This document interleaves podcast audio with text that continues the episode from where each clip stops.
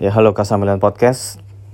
Um, untuk episode kali ini lagi-lagi gue nggak ngebahas Milan ya mungkin. Jadi kalau buat lo yang sengaja ngedengerin ini buat mengetahui update tentang Milan atau apa pun bahasan tentang Milan, nggak apa-apa kalau lo mau skip.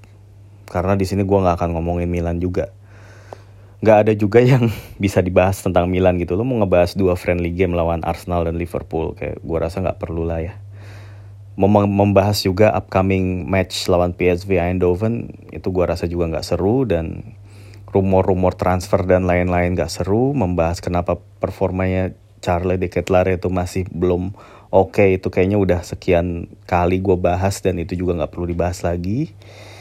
Gitu ya. Terus um, ya apalagi lah membahas upcoming match lawan Salernitana juga gue lagi gue nggak kepengen bahas itu masih lama juga. Dan kayaknya gue nggak bikin preview itu. Ya tapi di sini gue pengen bahas sedikit Piala Dunia ya. Bukan karena gue mengikuti Piala Dunia secara intens karena sebetulnya gue tidak tidak terlalu intens mengikuti kejuaraan ini tuh honest ya.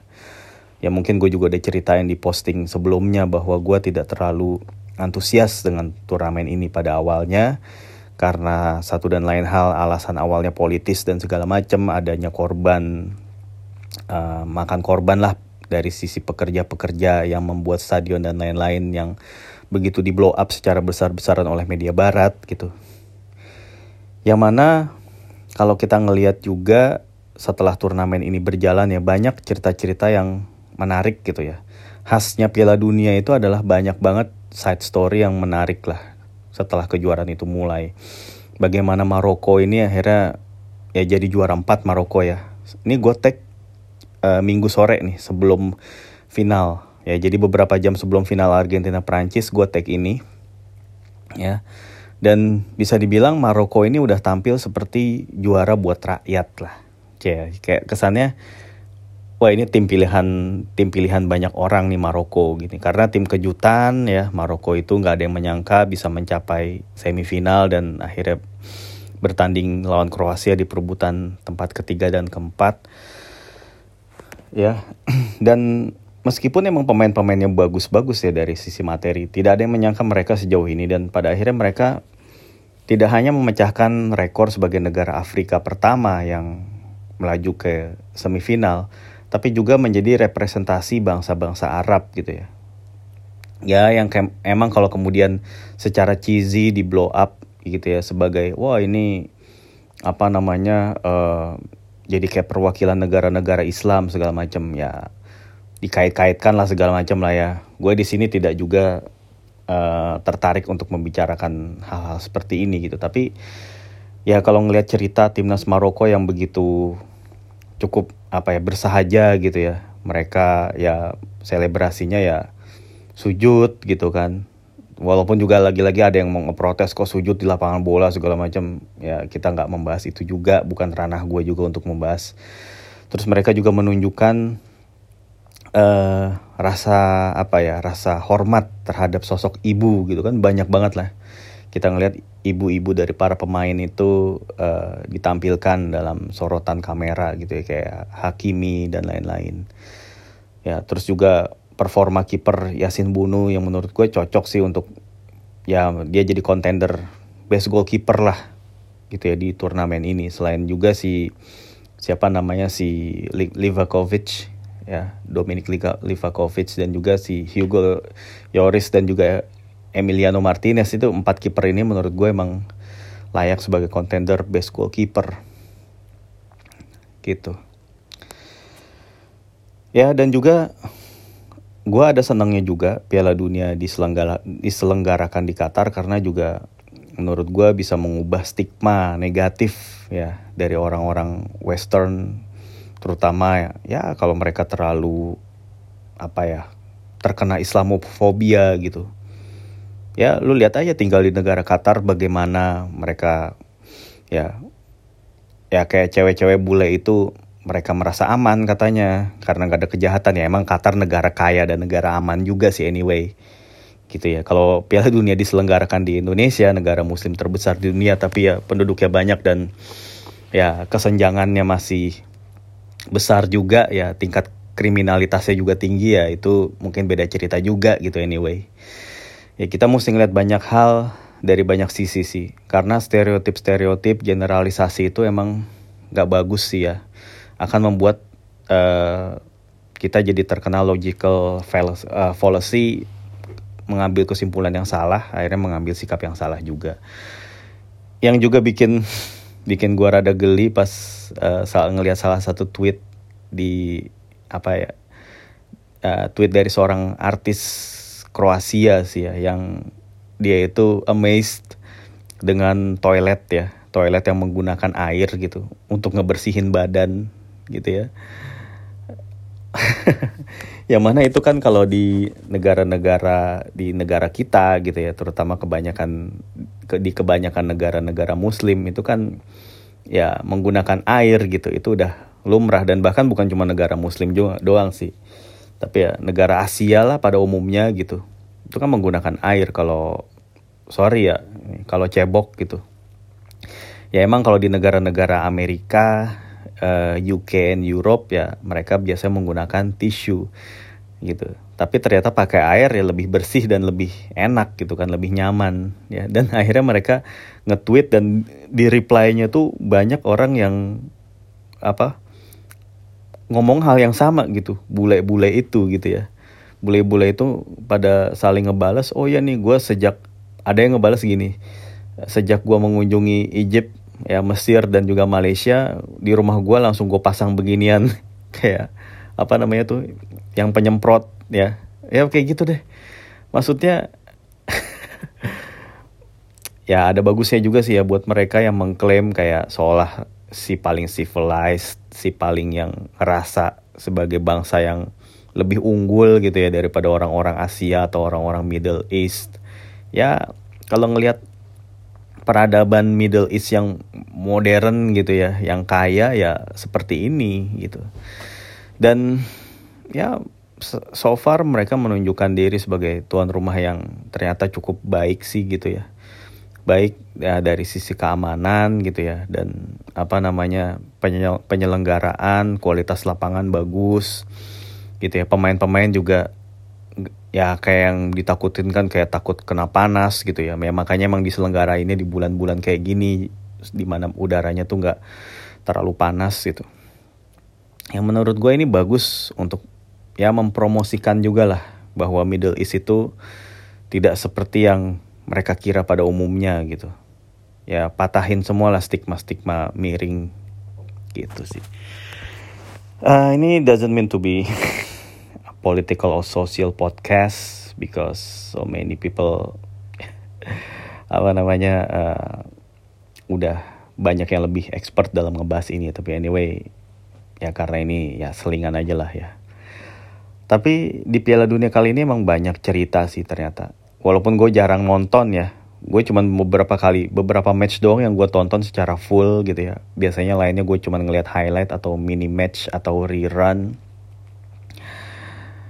Ya tapi eh, di sini gue ngelihat ada beberapa tim yang emang menurut gue menarik ya penampilannya gitu ya. Dari sisi performa dari sisi tactical dari sisi kemampuan pemain Maroko ini tentunya yang paling menarik sih. Gue ngelihat ada vibes sedikit di uh, timnya uh, Yunani 2004 walaupun Maroko bukanlah tim yang defensif seperti Yunani 2004 nya Otto Rehagel tapi gue ngeliat ada kemiripan beberapa pemainnya gitu ya. Kayak si kipernya Bono itu kan kayak jago kayak si Nikopolidis dulu terus backnya si siapa namanya?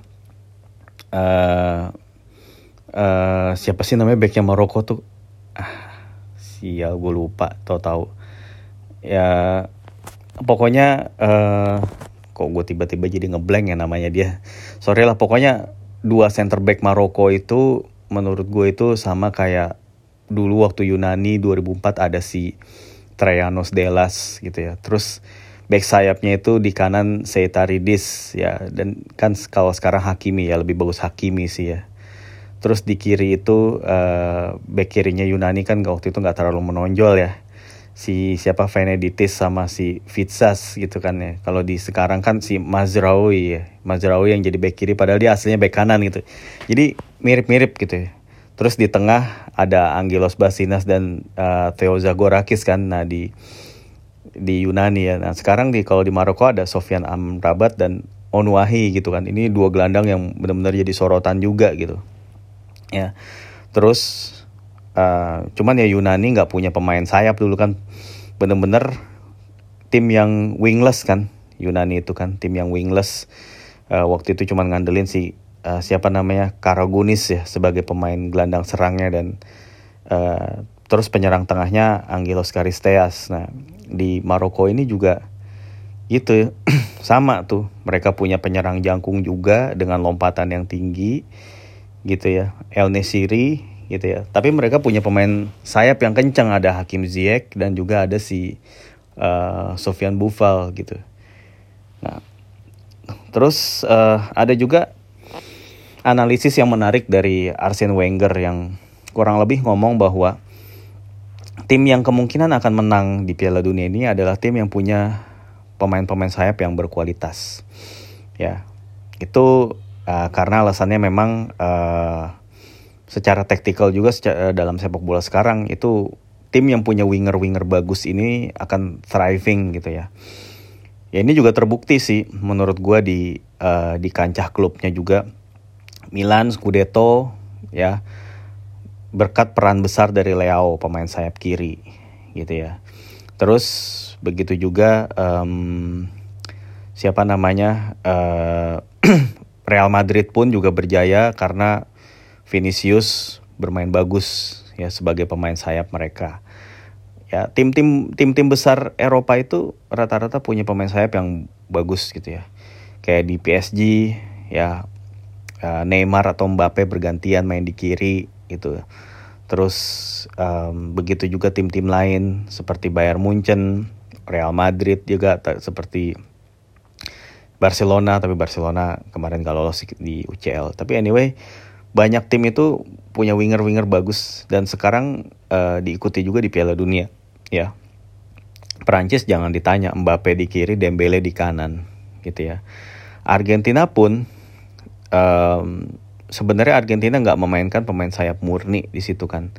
Mereka ngandelin Messi dan juga uh, pergerakan dari tiga gelandang pekerja kerasnya ya si Alexis McAllister ya yang nama nama belakangnya itu cukup menarik perhatian. Orang Argentina namanya McAllister. Padahal emang orang Argentina itu kalau dibandingin sama negara-negara lain yang di sesama di benua Amerika Selatan itu adalah orang-orang yang paling bule kalau ngomongnya. Kalau bisa secara sederhana disimpulkan begitu ya Lu inget kan dari waktu tahun 80-an ada pemain namanya Jose Luis Brown. Ya. Itu namanya Inggris banget kan Brown. Hey Mr. Brown gitu kan. Ya, terus um, ya ini sekarang ada Alexis McAllister. Ya, tapi namanya Alexis nama depannya kayak yang waktu yang pemain yang itu juga Jose Luis gitu ya. Terus uh, siapa lagi? Ya kan Argentina kan juga termasuk multicultural dan banyak pengaruh Eropanya juga gitu. Mereka juga banyak keturunan Itali gitu ya. Boca Juniors bahkan dibentuk dari orang-orang ya perkampungan Itali lah yang di sana gitu ya. Terus hmm, siapa lagi ya? Hmm, Argentina, Argentina. Ya pokoknya uh, Argentina itu termasuk yang negara Amerika Selatan yang paling Eropa lah bisa dibilang gitu dibandingin sama uh, di negara-negara Amerika Latin yang lain yang apa ya terutama kalau ngomongin negara kayak Chile terus Peru Ekuador gitu ya uh, Kolombia itu kan campuran ya secara rasnya tuh campuran antara orang-orang Indian gitu ya dengan orang-orang keturunan Afrika juga gitu. Afrika dan juga ada mungkin ada beberapa pemain yang putih gitu ya orang-orang kulit putih juga. Minoritas tapi kalau di Argentina tapi banyak lebih banyak. Gitu. Terus um, ya apa ya ya balik lagi gitu ke ke soal tadi ngomongin apa sih gue sampai terus akhirnya ke jadi ngomongin Argentina yang ke Eropa ya balik lagi Messi itu dikelilingi oleh Alexis McAllister, Rodrigo de Paul, ya itu gelandang-gelandang pekerja keras dan juga Enzo Fernandez. Jadi ini tiga gelandang yang kalau dari secara postur nggak tinggi-tinggi banget tapi mereka tuh sangat-sangat dinamis gitu. Mereka sangat energik, bisa menjadi pelindung Messi gitu dan Lautaro ya atau Julian Alvarez itu menjadi pendamping Messi di depan. Dan untuk pemain sayapnya mereka lebih mengandalkan back sayap yang maju ke depan kayak si uh, Nahuel Molina di kanan atau si siapa yang di kiri tuh Acuna ya yang ada di kiri atau Tagliafico. Dan untuk center back, center backnya itu bisa uh, build up ya. Ya um, kan pakai 352 dengan Lisandro di kiri ya. Terus uh, Cuti Romero dan juga si Otamendi sebagai pemain belakang terakhir. Dan mereka punya Emiliano Martinez yang menarik banget sih ini personalitinya nih orang. Gitu ya. Pernah jadi cadangan di Hetafe cadangannya si siapa namanya Vicente Guaita ya beberapa waktu lalu ya. Tapi kemudian dia sekarang jadi kiper utama Argentina dan masuk ke final Piala Dunia. Dan dia juga ini juga berawal dari Martinez yang uh, menangin Copa America ya. Ya beberapa tahun sebelum ini gitu. Dan menurut gue ini Argentina punya tim yang yang udah pas gitu komposisinya ditambah lagi dengan ada Messi dan di bangku cadangan masih ada Dybala ya. Terus kemudian masih ada Leandro Paredes, masih ada Angel Di Maria, Angel Korea gitu ya, uh, Papu Gomez gitu. Ini menurut gue tim yang paling komplit sih dari penjaga gawang sampai ke depan itu komplit gitu. Biasanya kan Argentina itu um, kipernya misalnya nggak terlalu jago gitu. Biasanya kan dulu Sergio Romero ya kipernya ya. Ya dulu zaman zaman dulu sih Argentina punya beberapa kiper bagus ya. 90 Sergio Goycochea gitu ya. 94 juga. Terus 98 Carlos Carlos Roa itu lumayan. Ya terus 2002 juga kalau nggak salah masih Carlos Roa. 2006 itu Roberto Abondanzieri, Pato. Ingat gak? Pato Abondanzieri kipernya si Boca Juniors dulu. Terus 2010 siapa sih kiper Argentina? Gue lupa lah. Ya. Pokoknya 2014 eh 2010 kalau nggak salah Sergio Romero ya. 2010 dan 2014 ya si Romero ya. 18 kemarin kipernya tuh siapa ya? Ah gue agak lupa apa sih Geronimo Rulli ya, atau siapa gitu. Nah baru pas sekarang Emiliano Martinez ini kayak mantep gitu jadi kiper Argentina gitu ya. Dia jago penalti, provokator juga orangnya, ya bagus lah gitu. Ya, um, ya menurut gue ini adalah kans terbaik sih, kans terbaik Messi untuk bisa membawa pulang Piala Dunia gitu. Beda sama timnya dia waktu di 2014 juga menurut gue itu 2014 sih menurut gue itu rada-rada disaster sih terutama pas di final. Aduh Gonzalo Higuain seandainya dia tuh bisa manfaatin blunder pemain Jerman di menit-menit awal tuh mungkin beda hasilnya buat Argentina. Gitu ya dan Messi mungkin udah menang dari 2014 kemarin. Ya kemudian um, ya ngomongin timnas Prancis nggak ada habisnya lah ya. Lu mau ngomong dari sisi apa gitu? Mungkin banyak orang yang kayak mencibir ah apaan nih pemainnya bukan pemain asli Prancis gitu ya. Padahal in fact ya ini semua pemain yang ada di timnas Prancis ini kelahiran Prancis semua dan mereka grow up di Prancis kecuali mungkin Theo Hernandez ya. Theo Hernandez dan juga abangnya Lucas. Ya itu Theo itu kan masa kecilnya itu ya gue udah pernah ceritain di buku La Storia gue gitu ya. Theo itu kan um, lahir di Marseille ya pas bapaknya itu uh, Jean François ya itu main di Marseille. Ya, terus kemudian uh, bapaknya itu ngebawa serta keluarganya itu ke Spanyol. Bapaknya tuh terus kemudian uh, main di Hetafe dan beberapa tim dan si Theo dan uh, ibunya dan juga abangnya itu tinggal di apartemen apartemen apartemen kumuh di Vallecas ya. Tim markas dari tim uh, Rayo Vallecano gitu ya. Mereka grow up di di uh, di kota itu dan sementara si bapaknya Jean François itu pergi dengan wanita lain lah. Kalau gue baca seperti itu kisahnya. Dan terus akhirnya Theo dan Lucas menjalani trial di Atletico. Diterima. Pertama Theo dulu yang diterima Lucas akhirnya belakangan gitu ya. Gara-gara si uh, tim pemandu bakat Atletico ngelihat Lucas mainin bola pas nungguin Theo latihan gitu ya. Yaudah abang lu sekalian aja ikut sini gitu. Dan akhirnya lulus mereka berdua. Dan akhirnya malah Lucas duluan yang masuk ke tim inti Theo belakangan. Theo tadinya udah diproyeksikan bakalan ngegantin si Felipe Luis waktu itu. Cuman uh, eh, gue dengar dari teman gue yang fans Atletico katanya Theo itu nggak sabar gitu. Theo nggak sabar pengen main ya. Akhirnya malah Theo dibeli sama Real Madrid. Nah dia Real Madrid pun juga ceritanya sama. Dia harus jadi pelapisnya si Marcelo dulu. Dan Theo untuk mendapatkan experience dia dipinjemin ke Deportivo Alaves dan Real Sociedad. Nah, terus kemudian di situlah ya Maldini udah mengamati dari lama dan akhirnya melakukan approach. Setuju deal di Ibiza gitu ya. Sambil minum Heineken mungkin ya anyway. Ya terus uh, balik lagi ke timnas Prancis yang katanya banyak pemain-pemain pemain-pemain yang bukan berasal dari negaranya ya. Itu pemain lahir di Prancis semua. Dan emang kalau dari garis keturunan ya mungkin bukan aslinya Prancis Olivier Giroud ada darah Itali kan dari kakeknya dia gitu. Tapi dia dia tetap lahir di Prancis gitu ya. Ya terus pemain-pemain lainnya juga lah. Lu bisa lihat Kylian Mbappe itu darah Kamerun gitu. Tapi dia lahir di Paris gitu ya.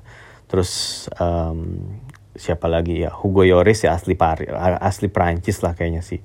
Pokoknya terus uh, si Antoine Griezmann itu kan lahirnya di Bayonne ya di itu yang dekat uh, di masih dalam wilayahnya Basque ya. Masih dalam wilayahnya Basque provinsi Basque di perbatasan. Terus um, Adrian Rabiot itu kan orang Paris gitu ya. Terus ya beberapa ya beberapa pemain lain lah. Upamecano uh, siapa na siapa lagi namanya? Julius Konde terus uh, siapa lagi tuh? Hmm, Chouameni ya. Terus kemudian si siapa lagi? Si Dembele ya itu orang-orang Prancis lah. Biar kata mereka imigran atau apa pun lalu menyebutnya ya itu emang apa ya datang dari negara-negara koloni Perancis yang dulu gitu ya mereka diberikan kemudahan lah ya untuk bisa uh, pergi ke Perancis gitu dan mencari pekerjaan ya dari orang tuanya sendiri. Orang tuanya pergi ke Perancis untuk mem untuk hidup yang lebih baik gitu ya. Terus akhirnya ya kemudian banyak melahirkan atlet-atlet yang bagus buat negara itu. Ya itu ya menurut gue sih emang keuntungan mereka dari sisi sejarah aja gitu ya dari zaman dulu. Ya mereka koloni uh, koloni-koloni ya negara-negara yang kemudian punya bakat bola yang bagus ya itu ya udahlah. Dan juga mereka selain punya bakat yang bagus-bagus ya mereka juga punya tempat pelatihan pemain muda ya di Clairefontaine itu ya. Itu kan juga pusat pelatihan yang bagus gitu ya, yang uh, terbukti dari zaman dulu juga menghasilkan pemain seperti Thierry Henry, David Trezeguet dan lain-lain. Itu kan angkatannya dia juga dari situ. Sampai sekarang akhirnya. Gitu. Zidane juga kan dari situ. Ya dan juga Yuri Jorkaev juga dari situ.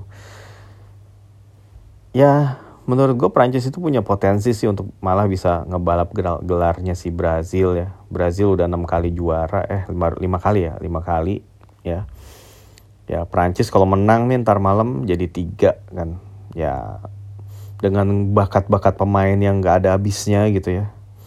Itu sih dalam gua rasa 10 tahun ke depan Prancis juga masih dominan sih. Bisa jadi mereka akan menang satu piala dunia lagi nyamain Italia nanti gitu ya dan lain-lain ya gitulah ya ya menurut gue emang uh, final malam nanti ini menurut gue seru sih karena ini pertandingan dua tim terbaik emang yang yang main di turnamen dan sama-sama tim terbaik ini juga tidak perfect hasilnya. Argentina di pembuka kalah lawan Arab Saudi. Perancis juga di pertandingan terakhir grup kalah lawan Tunisia gitu kan. Artinya nggak ada tim yang benar-benar undefeated. Dan Argentina juga sempat kayak mengalami kecolongan pas lawan Belanda. Disamain gitu ya. Sampai RL harus adu penalti. Perancis juga pas lawan Inggris dia kesulitan gitu. Tapi ya kedua kedua tim ini punya kemampuan individu pemain yang bagus gitu ya. Mereka punya pemain-pemain yang bisa bikin perbedaan kayak di Prancis ada Giroud, ada Mbappe, ya ada Theo gitu ya. Terus ada Dembele gitu ya. Sementara di Argentina ya terang aja Messi gitu. Dan juga Julian Alvarez bagus mainnya di turnamen ini. Cuman yang mungkin kabar kurang mengenakan yang bikin pertandingan final jadi kurang seru itu adalah uh, adanya uh, berita bahwa lima pemain Prancis ini absen karena terkena camel flu gitu. Kayak mungkin kayak sejenis covid gitu tapi ya ini uh, terjadi di Qatar gitu. Katanya kabarnya ya Theo itu kena. Terus si Rafael Varane terus si uh, Ibrahim Konate, Upamecano, pokoknya tiga center back deh tuh.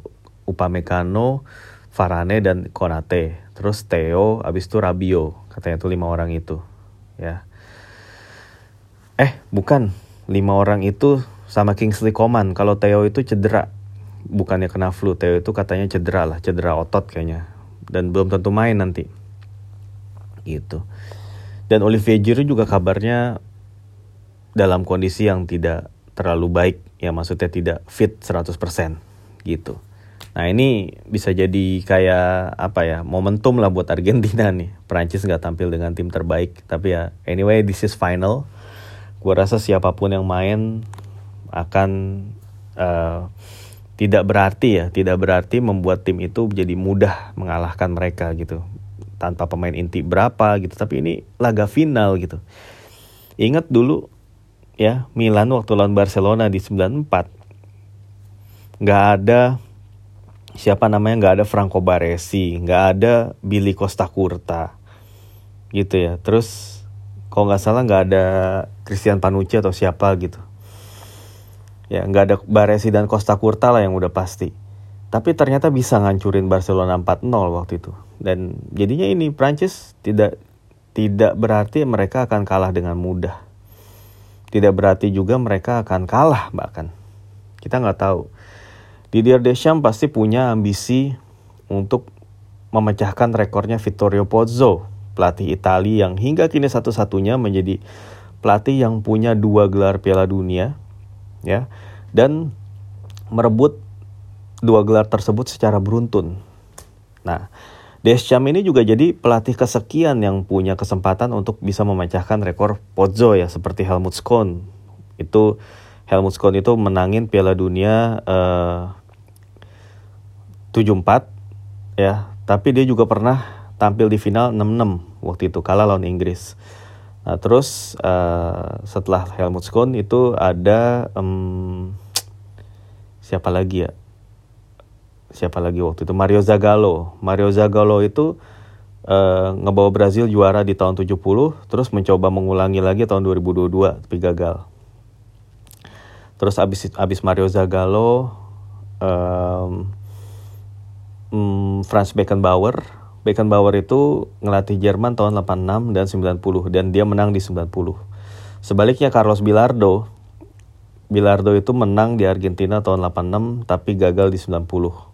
Jadi kayak ganti-gantian lah Beckenbauer sama Bilardo ini. Siapa lagi? Kalau nggak salah udah itu doang deh. Dan uh, banyak juga pelatih yang kayak mencoba gitu ya, mencoba menang ya, menangani tim juara bertahan gitu ya. Mencoba menang, mencoba untuk menang lagi kayak Marcelo Lippi menang di 2006. Tapi kemudian di 2010 dia terlalu banyak ngebawa pemain veteran, dia nggak manggil Antonio Casano, nggak manggil Fabrizio Micoli, nggak manggil Luca Antonini, nggak manggil Marco Borriello ya to name a few gitu ya. Akhirnya gagal secara menyedihkan kalah lawan Slovakia. Kalah eh uh, imbang lawan para Paraguay dan New Zealand.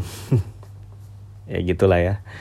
Dan Pirlo juga waktu itu cedera dan baru main di babak kedua pertandingan lawan Slovakia di pertandingan ketiga. Ya. Dan waktu itu Buffon juga nggak main kan kalau lo ingat Buffon di game ketiga nggak main kipernya si Federico Marchetti yang kebobolan gol-gol gampang sama si Robert Vitek. Gitu ya. Ya gitulah. Anyway ini gue ngomong banyak banget soal Piala Dunia dan serba-serbinya dan apa. Nggak ada bahas Milan sama sekali emang sih. Makanya tadi gue bilang kalau emang lu nunggu bahasan tentang Milan lu skip aja mendingan ya gitu. Tapi emang nggak mungkin gue nggak nggak nonton sama sekali Piala Dunia karena tadi ada efek positifnya juga karena ya ternyata ini Piala Dunia yang cukup seru gitu ya harus diakuin gitu ya. Banyak rekor-rekor yang pecah terus um, apa namanya banyak kejutan gitu ya. Tim-tim besar tumbang gitu ya kayak Jerman nggak lolos ke babak grup gitu ya. Terus uh, Spanyol kalah sama Maroko Belgia juga mana yang digadang-gadang generasi emas tuh Belgia akhirnya kalah juga kandas juga. Brazil juga kandas kalah lawan Kroasia gitu.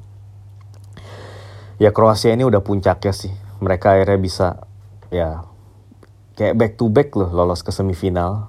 Akhirnya ya di 2018 emang masuk final sih. Di 2022 ini masuk semifinal ya kalah sama Argentina.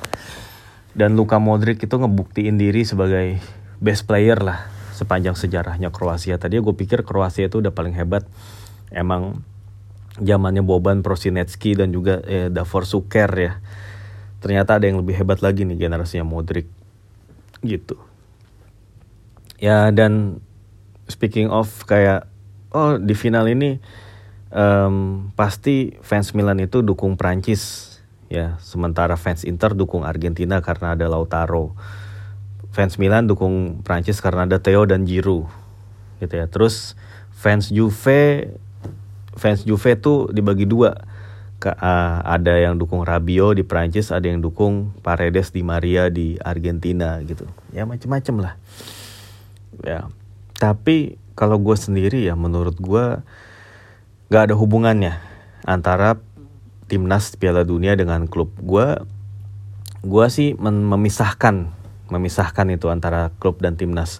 Gue akan cheering Italia gitu, siapa pun yang main ya Italia emang banyak didominasi pemain-pemain Juve ya kebanyakan ya secara tradisi dulu ya waktu tahun uh, eh, 82 terutama tuh kan core timnya itu kan Juve pelatih Enzo Bearzot itu kan kalau nggak salah pernah jadi pelatih Juve terus ada Gaetano Sirea ada si Claudio Gentile ada si Tardelli ada si siapa lagi?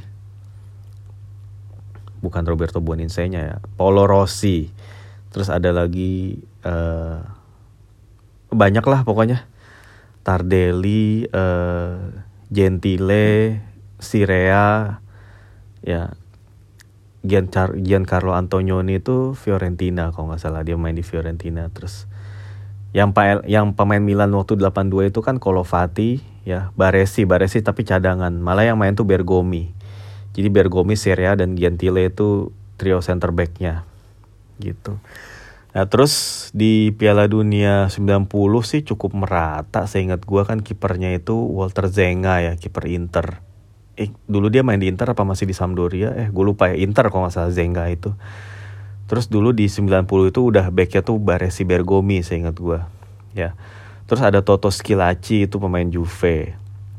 Terus ada si gelandangnya itu Giuseppe Giannini itu pemain Roma waktu 90 itu terus ada siapa Roberto Baggio tentu saja ya tapi waktu itu Roberto Baggio masih main di Fiorentina saya ingat gue waktu di 90 gitu. Terus nah di 94 tuh dominan pemain Milan. Pelatihnya aja Rigo Sacchi backnya itu Maldini Tassotti Baresi Costa Curta itu ada gitu ya.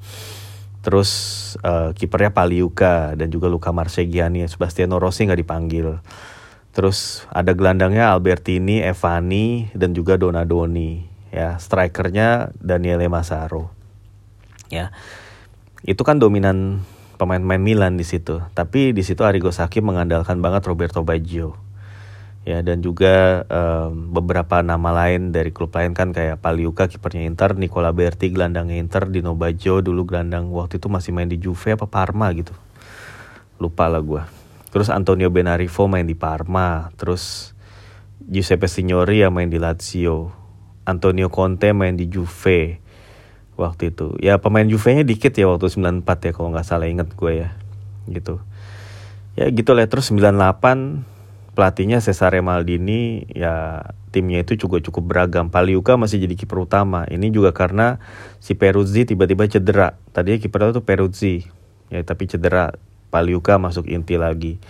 Backnya 98 itu padahal lagi bagus-bagus ya tuh. Nesta, Cannavaro dan Bergomi. Waktu itu Bergomi main tuh di 2000 eh di 98. Maldini back kirinya. Ya, eh Cannavaro dulu malah back kanan saya ingat gue jadi backnya tuh Nesta Bergomi. Sama siapa lagi apa? Sama Billy Costa Curta kalau nggak salah. Nesta Costa Curta Bergomi. Maldini di kiri, Cannavaro di kanan. Gelandangnya Luigi Di Biagio. Uh, kalau nggak salah Albertini masih main ya. Albertini Di Biagio sama siapa lagi sih dulu? Dino Baggio apa siapa gitu. Penyerang apa? Pemain sayap kanannya tuh Francesco Moriero. Ya, Francesco Moriero, penyerang depannya itu Roberto Baggio sama Christian Vieri. Padahal waktu itu Del Piero lagi bagus-bagusnya. Del Piero yang diharapin main bagus di Prancis ya di 9, Prancis 98 tapi ternyata dia flop. Akhirnya Roberto Baggio juga yang ngambil tempatnya. Gitu. Terus 2002 Roberto Baggio udah nggak dipanggil, pelatihnya Giovanni Trapattoni padahal skuadnya bagus banget All Star tuh 2002 ya. Itu Totti lagi prime, ada Gattuso, ada um, siapa lagi dulu gelandangnya Italia waktu 2002 ya. Damiano Tomasi terus ada Fieri Fieri juga lagi bagus-bagusnya. Ya backnya masih Maldini Nesta terus ada Cannavaro ya kipernya juga udah Buffon 2002 tuh ya ya sayang banget lah 2002 itu emang udah harusnya tuh juara juga tuh di 2022 tuh 2006 akhirnya baru kayak tebus semua Cuman sayangnya udah nggak ada Fieri ya. Sayang Fieri nggak nggak ngerebut gelar dan Maldini juga nggak ngerebut gelar gitu. Ya. Tapi ya 2006 tuh kayak udah waktunya lah waktunya Italia menang. Tapi ya setelah itu udah generasinya hilang. 2010 udah hancur-hancuran. 2014 hancur. 2018 dan 2022 nggak lolos ya. Ya gitulah perjalanan timnas Italia gitu ya. Waktu 2006 itu kan banyak pemain Juve ya di situ kayak Buffon, Camoranesi, um, Cannavaro juga nggak salah waktu itu main Juve. Apa udah pindah ke Madrid gue lupa lah. Terus um, siapa lagi tuh? Um, Fabio Grosso nggak nggak main di Juve. Siapa? Um, Zambrota main di Milan sih waktu itu ya. Kalau gue nggak salah ingat, sorry gue gue ketukar-tukar mulu lah. Gue nggak inget pemain itu main di mana di klub di tahun tersebut.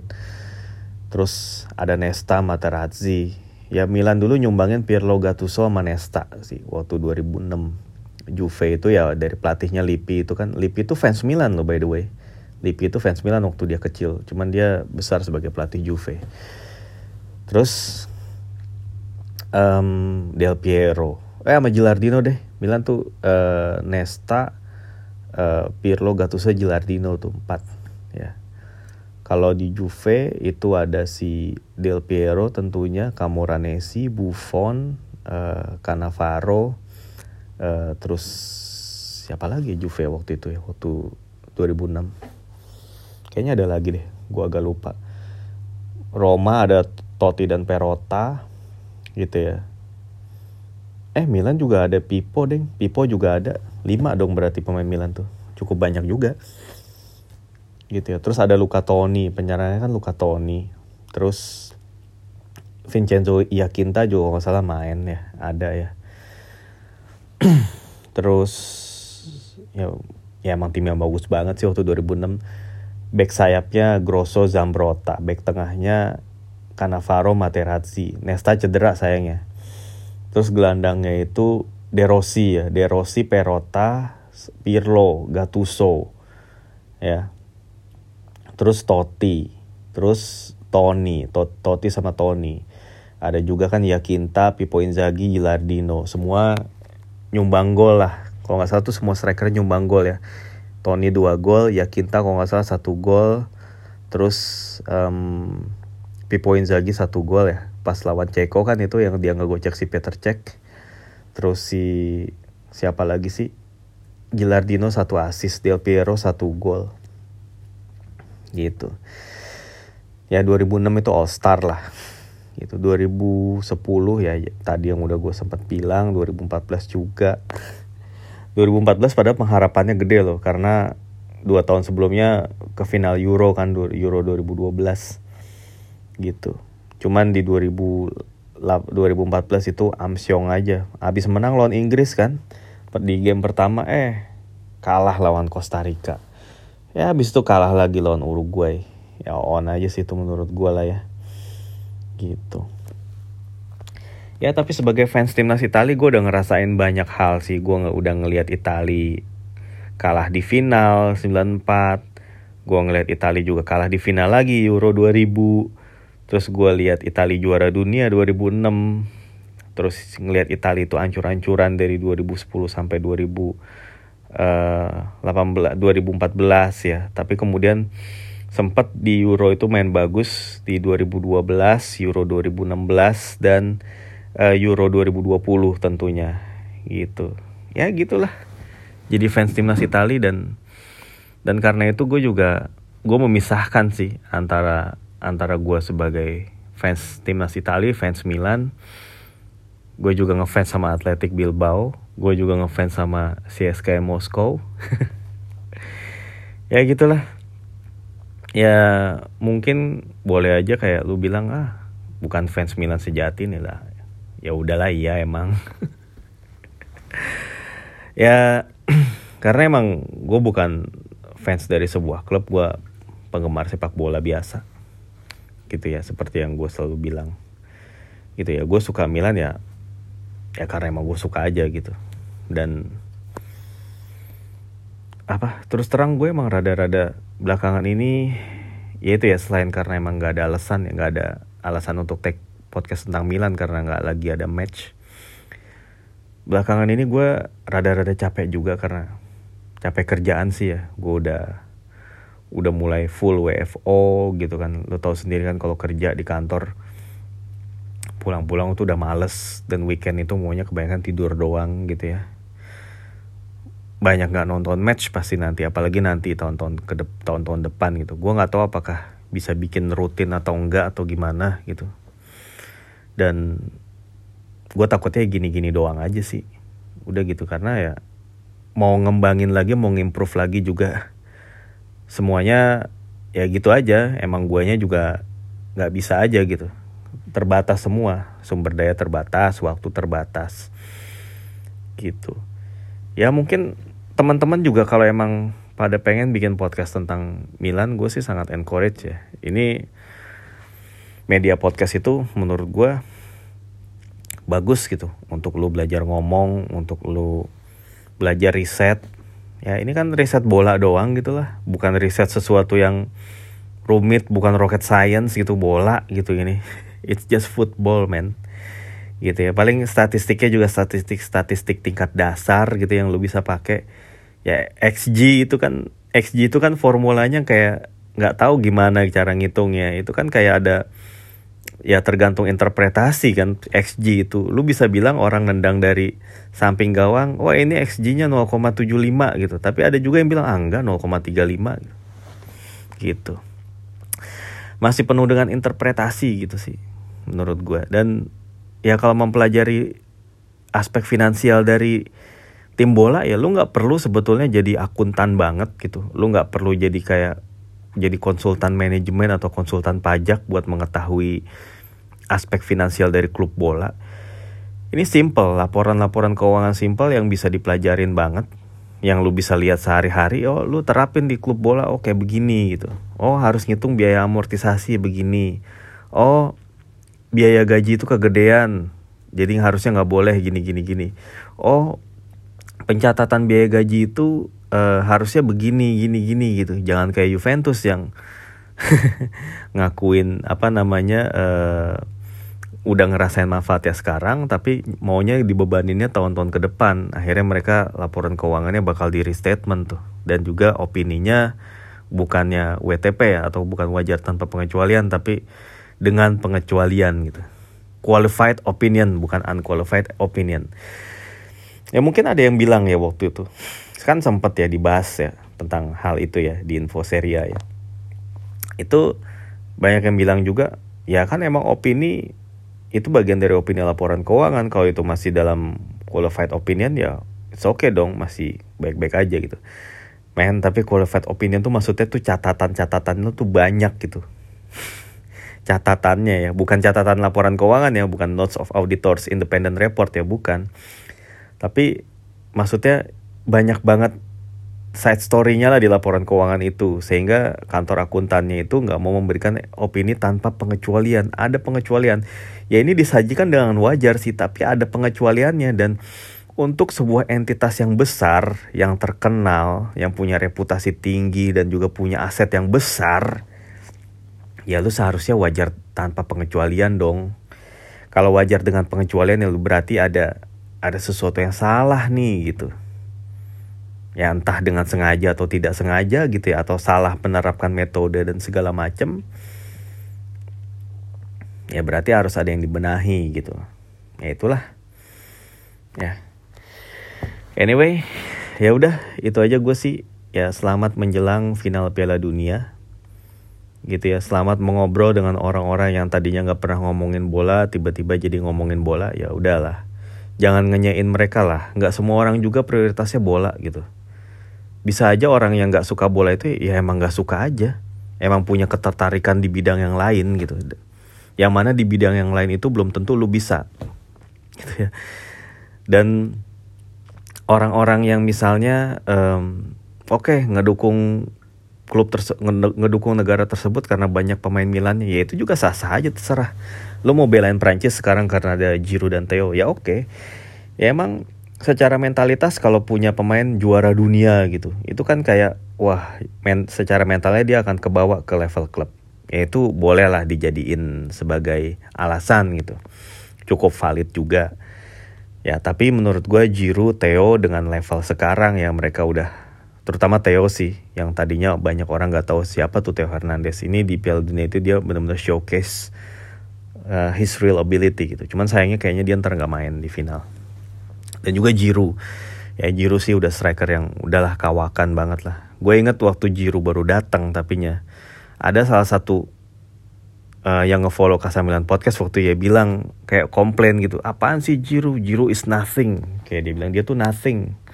Dia bagus di Chelsea karena wah tim uh, timnya bagus aja gitu karena banyak yang jadi uh, apa namanya pemain yang bisa ngelayanin dia aja gitu. Bagus jadinya di Chelsea coba kalau di Milan loh ya kata tapi ternyata di Milan dia nyumbangin banyak gol buat Scudetto dan sekarang makin bagus kelihatannya gitu. Ya. Ya udahlah. Anyway itu aja mau gue sampein dalam episode podcast kali ini. Sorry kalau kepanjangan dan jadi beleberan ke mana-mana materinya. Ya uh, sampai jumpa lagi dalam episode Kasamilan podcast berikutnya. Ciao